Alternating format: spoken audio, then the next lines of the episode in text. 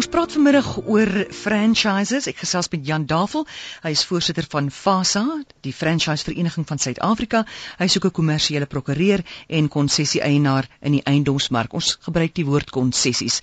Jan, as ek nou 'n konsessie wil koop, ek wil 'n konsessiehouer word, watter vrae moet ek die konsessie-eienaar vra? Amore vanweë die groot verskeidenheid geleenthede wat daar beskikbaar is, uh, kan daar klein verskille wees. So ek gaan jou antwoord by wyse van beginsels en dit is dat die voornemende konsessiekoper moet aanvaar dat hierdie besigheidstransaksie so goed is soos 'n verdere huwelik waarin hy gaan tree. Dis 'n langtermynverhouding, so hy moet baie seker maak wat sy verwagtinge is, sowel as wat die ander party se verwagtinge is. Hy moet gaan seker maak wat sy verpligtinge gaan wees, sowel as die verpligtinge van die ander kant. Hy moet weet wat sy langtermynvisie, waar sien hy homself oor 3 jaar, oor 5 jaar? En natuurlik moet hy weet hoe gaan dit met die skoonfamilie? Hy moet met ander woorde weet wie is die ander konsessie eienaars, hoe lyk hulle, wat doen hulle, wat is hulle omstandighede, waar, waar as wat staan hulle bekend in die mark? Natuurlik baie belangrik om te weet of kan hy dit bekostig. Met ander woorde, hy moet seker maak hy kry genoeg finansiële inligting rondom insetkoste, uh, aaneenlopende koste, gelykbreekpunte, uh, winsprojeksies. Hy moet weet wat word verwag van hom om personeel te bestuur, wat se infrastruktuur hy moet bestuur, wat se gebeurlikhede byvoorbeeld daar kan wees soos diefstal, brand en sulke probleme. En die baie belangrike goed is om maar na te kyk soos in enige ander besigheid, is daar ekonomiese invloede, politieke invloede, tegnologiese invloede, wat is die wetgewing, wat is die regulasies? So dit gaan oor ken die ander party, weet waar jy staan en weet wat daar van jou verwag gaan word. Kan mens byvoorbeeld vra, sien nou maar ek speel bankrot as franchise voor dit die einde van my kontrak is. Wat ja. gaan hoe gaan julle my daai help? Dit is tipies een van daardie gebeurlikhede waarna ek verwys. So gaan gaan eh, kom jy weet mense kan praat van bankrotskap, jy kan praat van dood, jy kan praat van ongesteldheid, jy kan praat van 'n uh, uitval tussen twee vennote in een konsessie en dikwels maak die konsessie ooreenkoms baie duidelik voorsiening daarvoor en mense moet soveel as moontlik vra vra en seker maak dat jou risiko's almal afgedek is. So weer eens hang dit af wat is die konsessie eienaar se se se kontraktuele situasie maar gelukkig soos ek verlede week vermeld het, daar is wetgewing, die Wet op Verbruikersbeskerming, daar is ook die FASA gedragskode en ons maak baie seker dat aspekte soos dit watter wanneer ek wil verkoop, wanneer ons bankro uh, uh, finansiële probleme het, wanneer daar dood is, wat word van die regte en verpligtinge? En dit word dan deur die kontrak gereël, maar binne in die hand van wetgewing en aanvaarbare etieke kodes binne in die konsessie of franchising industrie. Jan, praat nou eerlik en reguit met my. Wat is die slaggate van 'n franchise? Al konsessie. Weet jy die grootste die kyk 'n franchise is so algemene term, hmm. konsessie is streng gesproke korrek. Maar Weet jy Amorey die grootste slaggat dink ek wat mense waarskynlik kan maak is hulle dink wanneer hulle die belegging gemaak het om in die model in te koop is dit dat hulle nou kan ophou werk.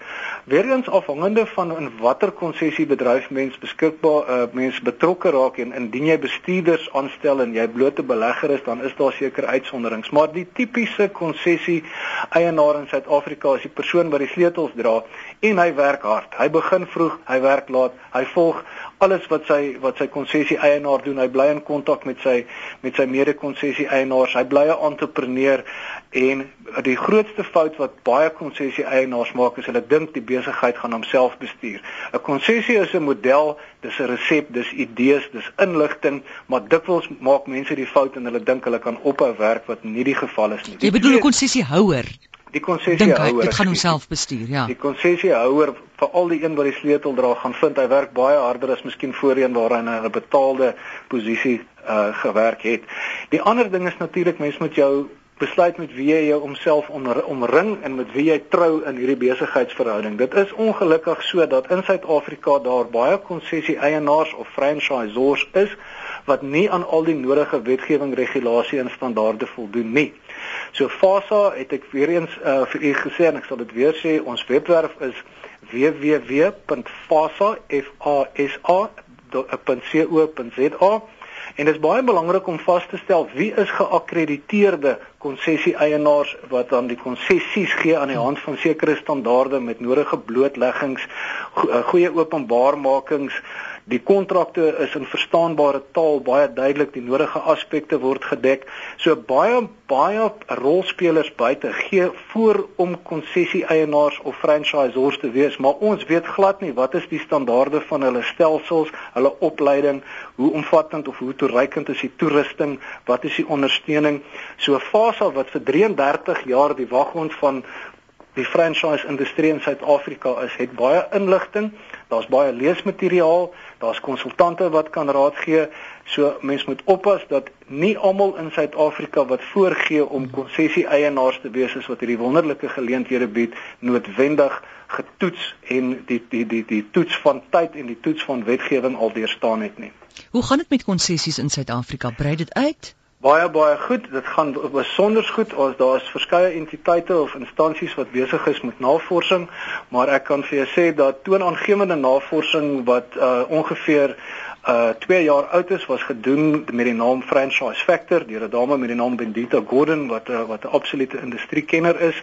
En as ons kyk na wat gebeur het tussen uh 2010 of 20 uh 8 2008 na 2010 en ons het rede om te aanvaar die kurwe groei is daar 'n toenemende uh groei en ontwikkeling wat plaasvind. Jy weet van die regering se groot probleme gaan oor uh uh, uh kennisoordrames of oordrag Dit gaan oor werkskepping. Dit is wat konsessie eienaars en konsessienemers heeldag doen. Hulle skep nuwe werk, nuwe geleenthede. Die syfers groei.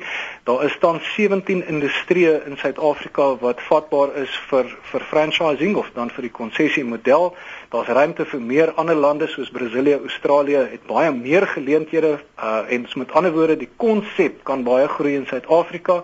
Maar heidaglik het ons ongeveer 550 konsessie eienaars of handelsmerke met ongeveer 30000 konsessiehouers en dit groei en dit hou aan groei so daar's voor, voor op voortdurend opleiding, nuwe besigheidsgeleenthede, nuwe werksgeleenthede en ons almal is die mening toegedaan dat 'n geweldige goeie invloed gespeel kan word in Suid-Afrika op verskeie gebiede met die groei. Anders as in die in die in die staat of die um, ander groter maatskappye vind ons dat daar toenemend werk geskep word en dat die dat die tendens anders is en dat hier nie die sogenaamde uitval van mense is nie maar dat opleiding en uitbreiding voortdurend plaasvind en beter doen.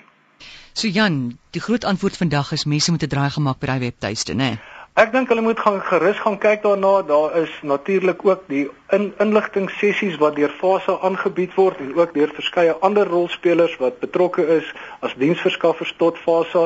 Ek het ook vermeld dat die vier groot banke almal konsessie afdelings of franchise divisions het. So Mense moet nie oorhaastig wees nie. Ek sê weer, hierdie is soos 'n verdere huwelik waarin daar getree word. Maak seker jy en jy ken die ander party, maak seker jy ken die skoonfamilie, maak seker jy weet wat se langtermyn doelwitte en vra eerder te veel vra.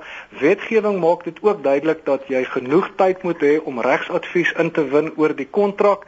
Wetgewing bepaal ook jy het selfs 'n afkoelperiode nadat jy dalk 'n kontrak geteken het. So voordat mense geld spandeer, maak seker jy weet wat die verwagtinge, verpligtinge, situasies, impak uh is en soos enige ander langtermynverhouding moet mens maar net seker maak jy is altyd in oop en eerlike kommunikasie. Partye gaan afhanklik van mekaar wees. So as 'n mens ongemaklik is met laat inligting nie gegee wil word nie, moet jy die vraag vra hoekom en waarom en daar is genoeg kenners beskikbaar via die FASA netwerk om alle inligting te gaan toets. Dankie Jan. Baie dankie Amorey. So gesels Jan Davel, voorsitter van FASA en dit is die Suid-Afrikaanse Franchise Vereniging. Jy kan dit reggemaak op die webtuiste www.fasa.co.za.